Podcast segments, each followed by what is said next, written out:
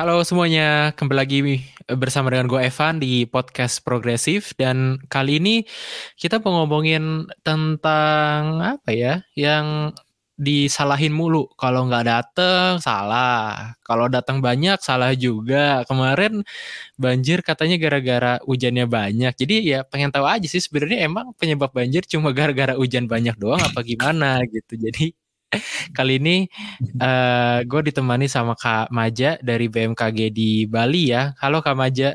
Ya. Halo, salam kenal semua. Halo Eva. Halo. Terima kasih udah diundang.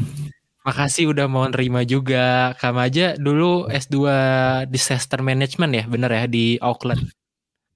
Iya, kebetulan itu itu ya seperti biasalah. New Zealand kan terkenal bagus, jadi untuk bisa jalan-jalan di sana ya aku harus belajar lah di sana bisa gratisan. Ah, dapat beasiswa juga waktu itu, Kak. Iya, beasiswa dari New Zealand lah. Ah, kirain LPDP juga ya, bukan ya? Oh, kebetulan diterima di New Zealand ya dulu dah itu aja ambil gitu. Oke, nah kamu aja kerja di BMKG bagian apa ya? Maksudnya kayak tepatnya gitu?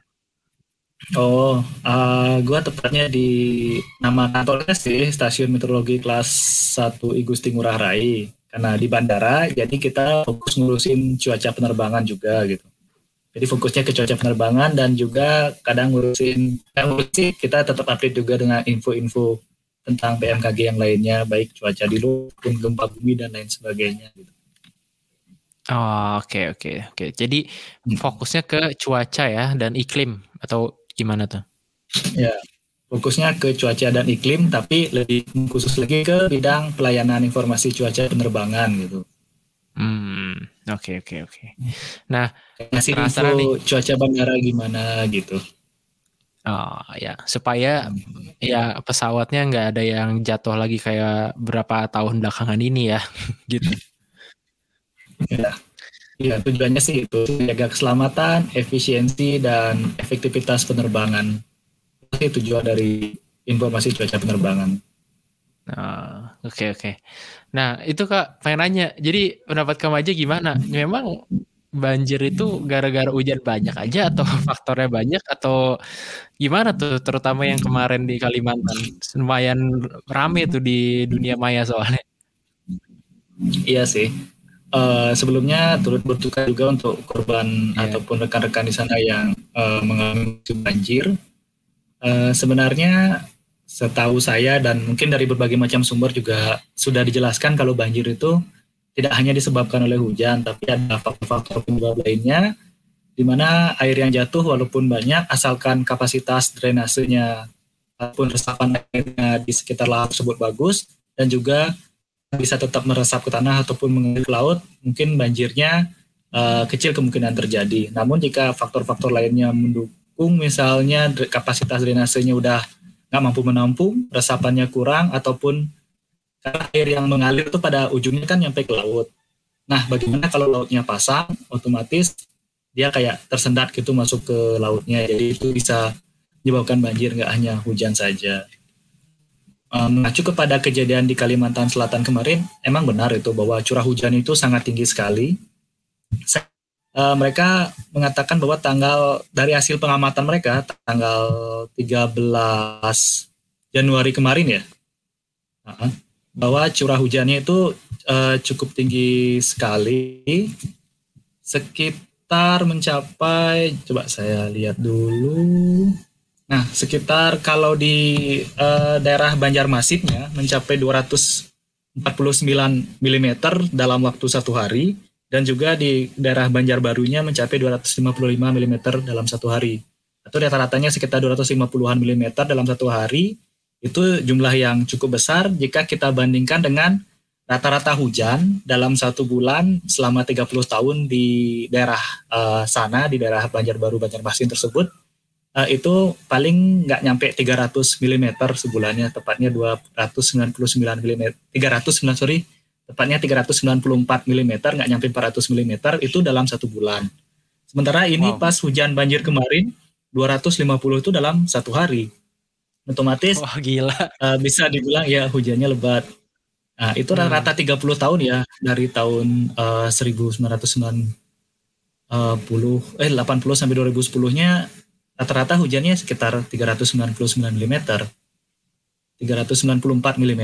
Namun pas uh. hujan kemarin itu 250 mm jadi bisa dibilang uh, intensitas hujannya itu cukup tinggi.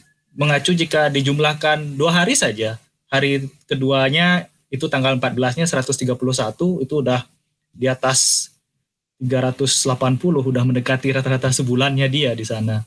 Makanya hmm. wajarlah hujan deras itu berpengaruh uh, kepada lebihan airnya. Jadi biasanya kapasitas drainase yang ada mereka uh, dengan hujan ya rata-rata 400 mm dalam satu bulan tiba-tiba diserang dengan hujan uh, kurang lebih mendekati 400 mm tapi dalam dua hari ya otomatis kayak overload lah seperti itu.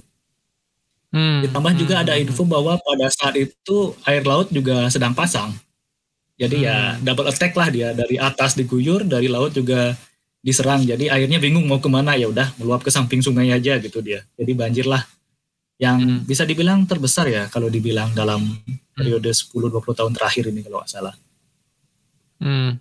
Okay. Namun kita kita jangan hanya menyalahkan hujan lah itu kan uh, dari alam. Uh, untuk mungkin kita belum bisa terlalu mengatur alam walaupun kita bisalah melakukan modifikasi cuaca yang sering dilakukan kemarin pada saat kebakaran hutan kan kita membuat hujan buatan. Mis kalau di negara lain misalnya Cina kebetulan kemarin sempat belajar juga tentang modifikasi cuaca juga di Cina digunakan juga untuk mencegah hujan lebat sebelum terjadi pada waktu Olimpiade Beijing. Beijing mungkin masih ingat. Mereka prediksi ada awan mendekat, jadi sebelum mendekat mereka sudah semai awannya agar bisa turun hujan. Namun biayanya tetap mahal. Jadi sebelum kita hanya menyalahkan hujan, mungkin kita bisa memperbaiki drainase di sana, resapan di sana, atau seperti yang Evan bahas tadi tentang obrolan teman-teman di Jerman karena mereka tahu bahwa negara kita itu rawan bencana perlu diadakan kayak edukasi bencana atau tindakan mitigasi bencana. Kembali lagi lah ke kuliah saya dulu. Nah promosi lagi kalau mau kuliah disaster management ke Auckland aja gitu ya pesan sponsor uh, Kebetulan saya alumni sana jadi ya iyalah. Tapi tempat lain mungkin ada dan kayaknya sama sih sebenarnya bagusnya. Cuma beda pengalaman aja sih. Kebetulan saya suka Lord of the Ring dan jalan-jalan ya saya milih New Zealand gitu. Iya.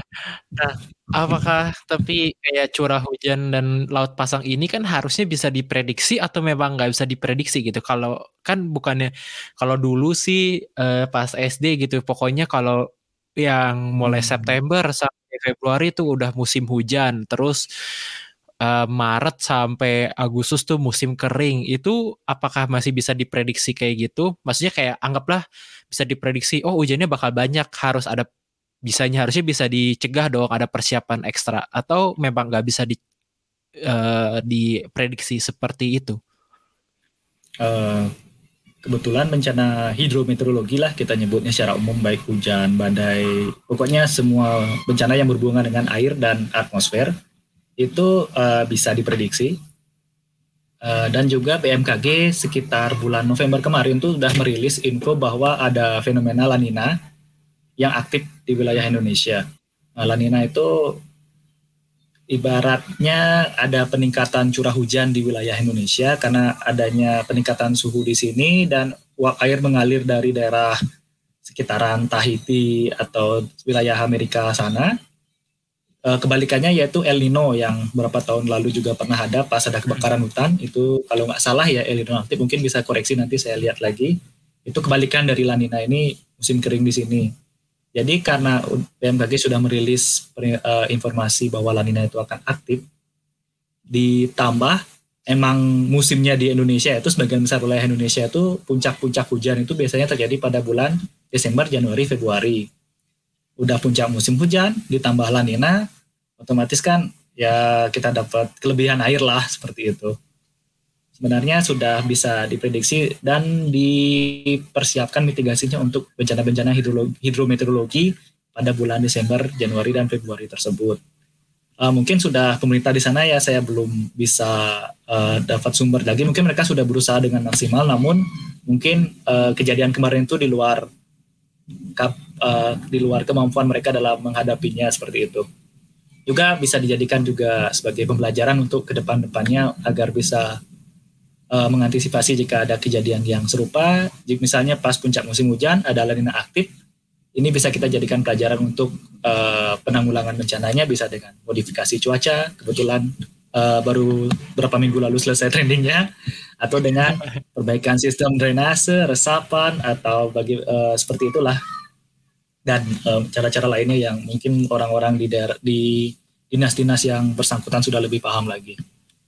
Mm-hmm. Kita hanya memberikan informasi saja dan sekarang kebetulan BMKG itu fokus ke uh, informasi cuaca yang berbasis pada impact kepada masyarakat. Jadi seperti yang sudah dilakukan oleh BMKG memperingatkan akan adanya lanina yang aktif pada saat musim hujan tinggi diharapkan pemerintah lebih waspada lagi seperti itu. Hmm, hmm, hmm. Berarti kalau misalnya buat kasih konteks nih ya buat yang yang belum yang dengar dan belum paham. Jadi eh, BMKG itu posisinya mengolah data ya, mengambil, memberikan uh, apa semacam uh, apa sih rekomendasi ya, gitu. Rekomendasi ya, kita memberikan rekomendasi. Tapi hmm. udah gitu pelaksanaan di tempat itu siapa? Maksudnya kayak apakah pemerintah atau ada badan tertentu atau gimana biasanya? Uh, banyak sih saling keterkaitan antara berbagai lembaga sih. Jadi kita merekomendasikan pada stakeholder baik pada masyarakat ataupun pemerintah yang terkait itu kembali ke pemerintahnya masing-masing bagaimana uh, menindaklanjuti informasi dan rekomendasi yang kita berikan seperti itu. Misalnya untuk potensi lanina tersebut misalnya ke daerah ya, ke pemerintah daerahnya, untuk kita di bandara ke pihak-pihak maskapai dan penyelenggara bandara agar lebih waspada lagi menanggapi menghadapi musim hujan disertai lanina ini. Kalau di penerbangan efeknya ya pengaruh ke proses mendarat dan terbangnya pesawat take off and landing. Karena berpengaruh kepada jika cuaca buruk kan akan mengganggu juga terutama di pada saat visibility ya jarak pandang kan terganggu kalau hujan lebat. Itu kalau kami di bandara seperti itu. Kalau di uh, Pemda atau di skala nasional ada uh, pemerintah daerah atau pemerintah pusat lah yang uh, lebih berwenang dalam menindaklanjuti rekomendasi dari kami itu. Oh oke okay, oke okay, oke. Okay. Nah hmm. sekarang kan uh, lagi banyak ya topik bahas tentang krisis iklim dari uh, dari awal 2000-an sih sebenarnya uh, tentang pemanasan global ya. Uh, cuma uh. Sini makin lumayan kenceng gitu. Uh, ini gue juga ada data dari UNDP United Nations Developmental Program. Uh, katanya hmm. orang Indonesia lebih dari 65 persennya bilang uh, climate crisis itu uh, ancaman global dan itu gue lumayan surprise sih. Artinya uh, majority mayoritas orang Indonesia udah paham tentang bahayanya krisis iklim gitu, uh, terutama untuk mungkin untuk Indonesia ya negara yang kepulauan semua dikelilingin laut yang uh, rentan. Nah, uh, Kak Maja sebenarnya kayak krisis iklim ini nanti ke depannya gimana sih kayak Indonesia bakal makin banyak ini dong atau atau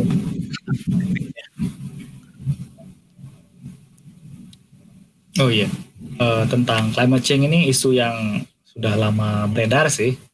Uh, yang katanya, eh bukan katanya sih banyak penelitian sih yang sudah melakukan penelitian tentang climate change. Uh, salah ada dua kubu sih sebenarnya. Uh, yang salah satu kubunya berpihak, bukan berpihak sih mempunyai argumen bahwa climate change ini disebabkan oleh aktivitas manusia semenjak revolusi industri, di mana kita melakukan banyak pembakaran bahan bakar fosil, penambahan uh, jumlah manusia, pengurangan berkurangnya lahan untuk kita gunakan sebagai lahan kita beternak ataupun untuk kita hidup dan membangun perumahan. Ada satu lagi kubu yang berpendapat bahwa climate change ini adalah uh, situasi yang normal lah bahwa salah satu siklus dari bumi ini salah satu bagiannya uh, salah satu bagian dari siklus bumi di mana dulu ada era musim dingin yang lama, pernah lagi musim panas, apa ya iklim yang panas lama-lama, punahnya dinosaurus dan macam-macam lah uh, hmm. salah satu proses iklimnya ya. Jadi ada dua kubu sih. Uh, sebenarnya ini ibarat isu yang masih complicated sih, tapi kita lihat saja efek nyatanya baik. Anggap saja itu dipengaruhi oleh interaksi manusia karena uh, kalau kebetulan saya juga dulu S1-nya fisika sih jadi masih ingat-ingat lah sedikit tentang hukum kekekalan energi, kekekalan massa seperti itu kan.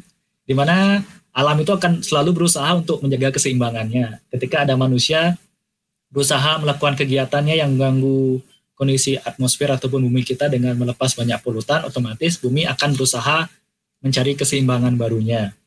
Nah, jika keseimbangan baru dari bumi itu uh, membuat manusia semakin nyaman, disebutlah itu berkah. Jika keseimbangan baru dari bumi itu membuat kita sedikit merasa tidak nyaman ataupun ya menimbulkan kerugian, kita sebut itu bencana. Nah, jadi ada dua peluang pasti jika untuk bumi mencapai keseimbangan tersebut bisa menjadi hidup kita tambah nyaman ataupun tambah berat. Nah, tugas kita kalau udah nyaman ya kita nggak usah ngapa-ngapain, tinggal ikutin aja. Jadi kita fokus untuk uh, efek dari uh, aktivitas manusia yang salah satunya berakibat kepada climate change yang berakibat buruk bagi kita, kita berusaha untuk uh, mengurangi itu. Seperti ada penelitian-penelitian yang pro bahwa climate change disebabkan oleh manusia, mengatakan bahwa semak, uh, dari tahun mulainya revolusi industri ada peningkatan uh, suhu bumi, uh, su global apa suhu global lah istilahnya kalau uh, dari sananya. Kemudian uh, dengan peningkatan suhu bumi itu uh, semakin banyak muncul kejadian uh, cuaca yang panas, mencairnya es kutub seperti yang Evan jelaskan tadi, terutama berdampak kepada negara-negara kepulauan. Yang paling nyata jika es di kutub mencair, otomatis air di bumi akan, sorry, sungguh tinggi permukaan laut di bumi itu akan naik dan menyebabkan tenggelamnya pulau-pulau uh, yang cukup rendah.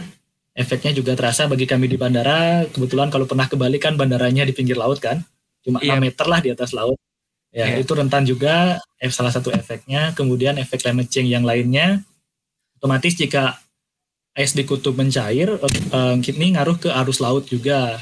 Arus laut yang biasanya panas bisa berubah jadi dingin atau yang biasa dingin berubah jadi panas. Uh, karena di bumi ini semua siklus itu saling berinteraksi kayak laut dengan atmosfer itu saling berinteraksi. Jika ada perubahan dalam aliran air laut atau siklus laut juga akan berakibat berubahnya pada cuaca di bumi.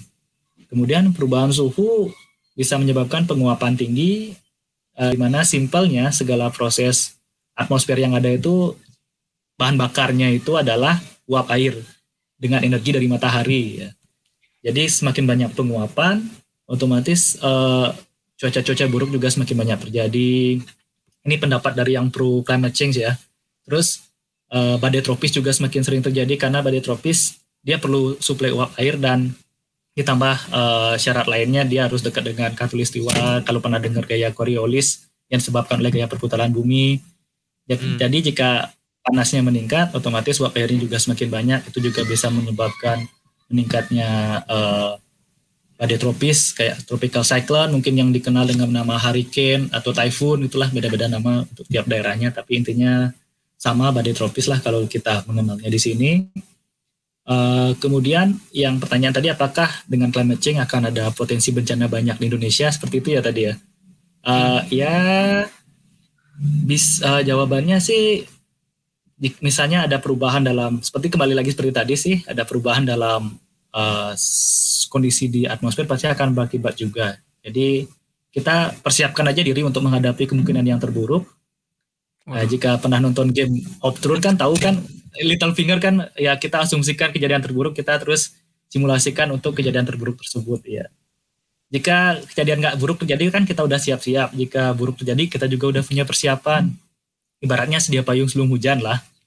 Jadi anggap saja akan terjadi kemungkinan terburuk, jadi kita tetap saja berusaha melakukan tindakan mitigasinya.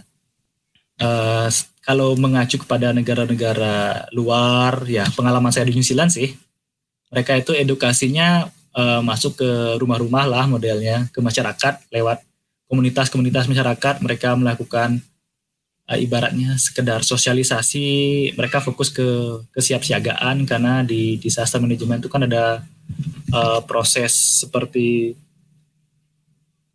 siklusnya lah ada tahapan-tahapannya pertama mitigasinya untuk bertujuan meminimalisasi efek dari bencana tersebut kemudian uh, kesiapsiagaan, merencanakan masyarakat agar siap untuk merespon jika terjadi suatu khas uh, suatu ben, uh, kondisi yang kurang menyenangkan atau disebut bencana. kemudian respon bagaimana kita merespon kejadian tersebut, kemudian recovery karena setelah kejadian kita harus siap melakukan recovery. Mereka fokus ke community dan juga ke anak-anak dari kecil ya. Jadi sosialisasi ke sekolah-sekolah tetap dilakukan. Kebetulan juga kemarin saya sempat kerjasama sama Dewan Kota yang waktu di New Zealand itu hmm. kita melakukan survei tentang kesiapsiagaan. Saya fokus kesiapsiagaan karena sekalian buat skripsi, eh buat tesis sih. Jadi tahulah kesiapsiagaan mereka mereka tuh aware sekali dengan climate change, terutama para residen di daerah dekat-dekat coastal area itu. Hmm. Mereka sangat aware sekali dengan climate change dan juga terhadap gempa bumi sih. Hmm. Terus untuk kita di Indonesia ya kita sebenarnya sampai saat ini saya lihat uh, yang saya dapatkan sih sudah lebih bagus dibanding dulu sih waktu saya kecil. Dibanding sekarang tuh informasinya sudah banyak sudah banyak warning. Contohnya kalau dari BMKG udah ada warning cuaca buruk untuk daerah-daerah tertentu yang akan terjadi cuaca buruk. BMKG selalu memberikan warning. Kemudian dari pihak-pihak terkait kayak BNPB juga BNPB ataupun BPBD yang uh, bertugas untuk mengatasi kebencanaan di Indonesia dan di daerah itu juga sudah sering melakukan sosialisasi walaupun mungkin belum ke semua masyarakat ya seperti Evan tadi cerita belum pernah ada yang memberikan ya informasi seperti itu ya ya mungkin nantilah bertahap kita kayaknya akan lebih luas lagi. Intinya sudah ada sih, walaupun banyak hal yang perlu kita kembangkan lagi seperti itu. Iya. Wah, ntar dulu tapi kayak bersiap untuk kemungkinan terburuk apa kemungkinan terburuknya apa kamu aja kok gue jadi takut sendiri. ya nggak sih, nggak. Ya tak jangan takut ibaratnya waspada lah ya. Jangan takut karena kalau takut kan kita panik jadinya. Nah, kalau kita aware, otomatis kita bisa mempersiapkan diri. Jadi mending aware aja dibanding takut seperti itu.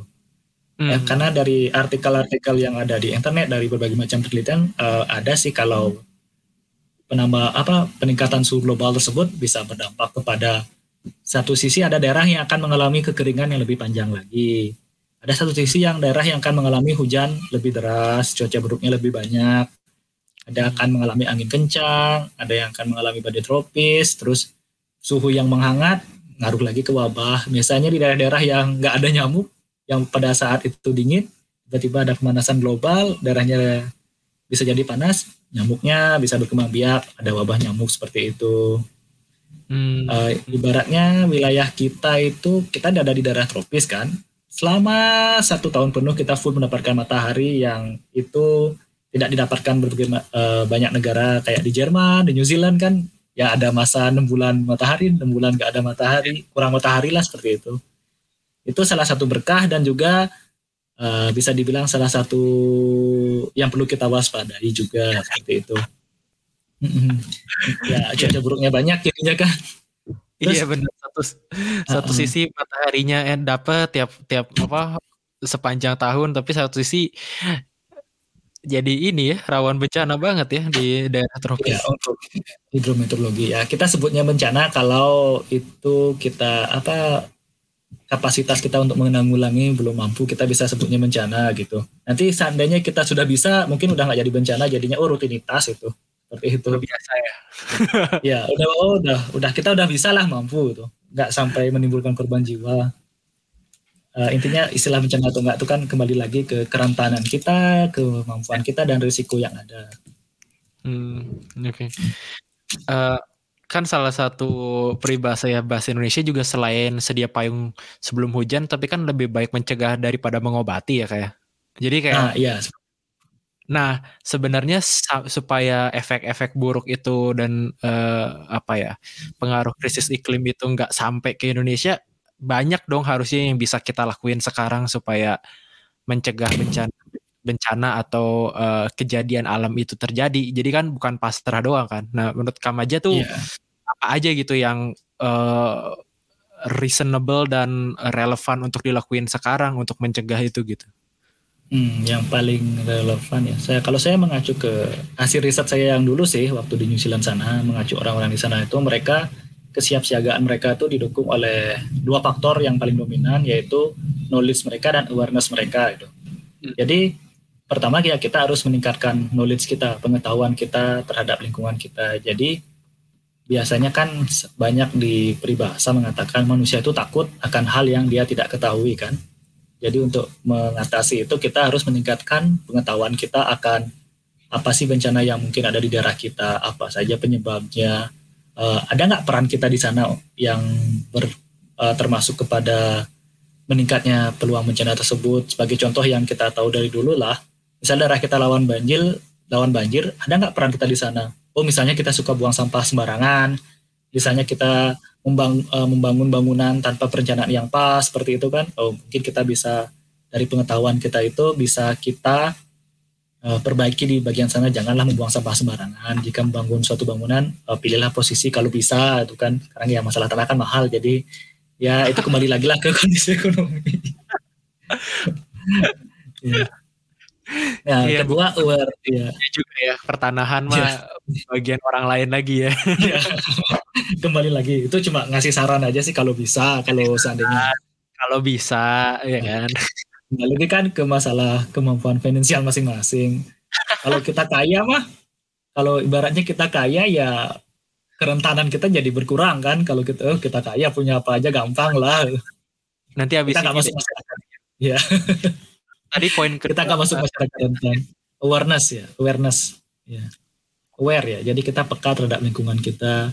Hampir mirip-mirip sih dengan knowledge tadi. Jadi kita aware, oh kita berpotensi ada bencana uh, hujan lebat seperti itu yang banjir yang disebabkan hujan lebat dan dan kita ketahui bahwa itu akan berulang setiap musimnya karena sebagian besar wilayah Indonesia itu pernah dengar mungkin angin monsun ya dari angin monsun dari Asia dia menyebabkan hujan dari uh, Australia menyebabkan uh, musim kemarau ya.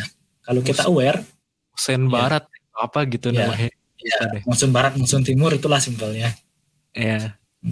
Ya, misalnya kita aware, kita sudah aware dengan bahwa negara kita itu rentan dengan hal seperti itu, kita bisa siap-siap lah kalau misalnya sebelum musim hujan datang, yang ditandai dengan angin kencang, hujan lebat, mungkin sebelum itu kita bersama-sama sih masyarakat dengan pemerintah itu harus kerjasama. Ya simpelnya sih membersihkan selokan, meningkatkan kapasitas drainase, meningkatkan daerah resapan.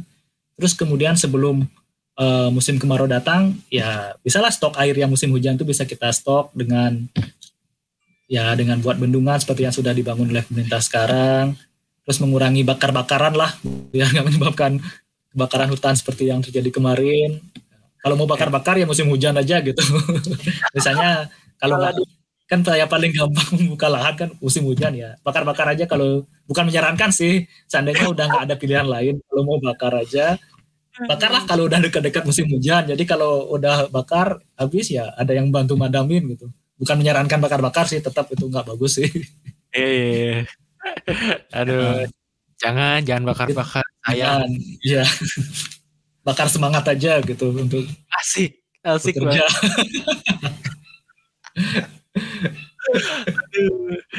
ah kak terima kasih ya apa setengah jam kayaknya udah cukup deh padat dan jelas hmm.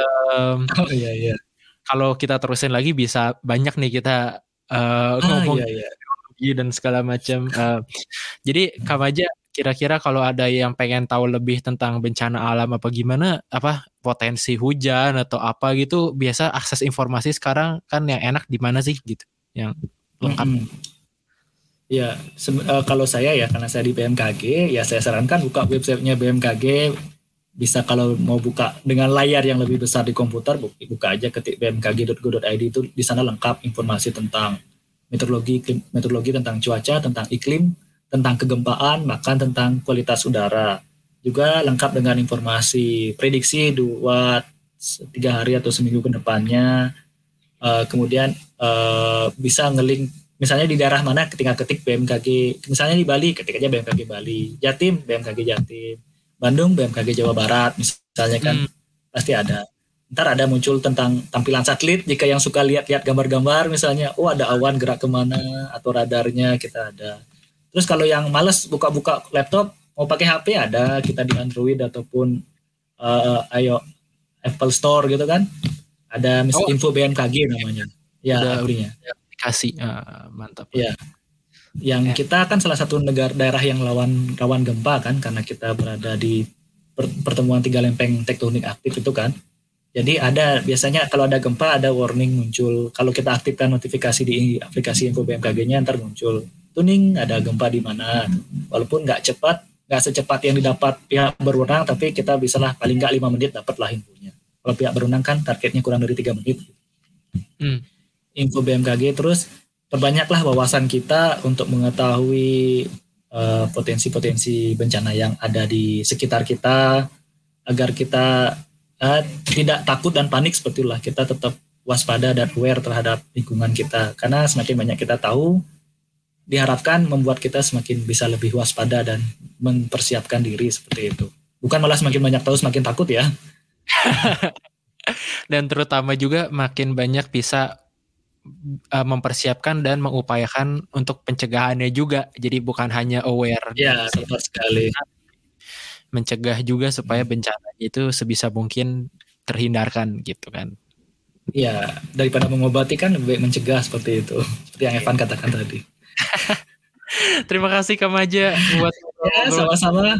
Ini uh, uh. Kak Maja punya Instagram nggak yang bisa dikontak atau Twitter atau apa? Oh ada ada ada Instagram ada Twitter ada Twitter jarang buka sih sekarang gara-gara ya pilpres kemarin malas bukanya. Ribet ya. Instagram berisik. aja sih masih. Iya berisik. Aja boleh di share. Oh iya ada Dek Maja D E C K M A J A itu ada. D E C K M A J A. Nanti nanti di tag yeah. juga deh. Nanti kan kita post apa. Oh, siap. Di tag juga. Oke. Okay. Oh, siap siap siap. Terima kasih Kak Maja. Salam buat teman-teman BMKG ya, di mana. Ya, salam buat teman-teman di Jerman juga. Oh iya. Siapa ya. tahu saya bisa ke sana lah nanti. Amin. Amin. Nah, atau siapa tahu saya ke Bali lagi. oh iya, silakan. Setelah pandemi selesai biar bisa traveling lagi lah kita-kita. Ya, kepada teman-teman saya yang jalan-jalan ke Bali pas lagi pandemi, please jangan alay jaga protokol iya. kesehatan. Yeah. Kan lupa pakai Itu masker. Itu aja ya. Uh, uh, ya. Ya, pakai masker. Eh, Oke, okay, terima kasih sobat progresif udah dengerin sampai akhir. Kali ini uh, uh, sekian dulu. Sampai ketemu di minggu depan. Jangan lupa di follow Instagram kita at podcast underscore progresif. Uh, dan ya, ditunggu episode-episode episode selanjutnya. Bye bye semua. Terima kasih. Bye Kamaja. Bye. Terima kasih.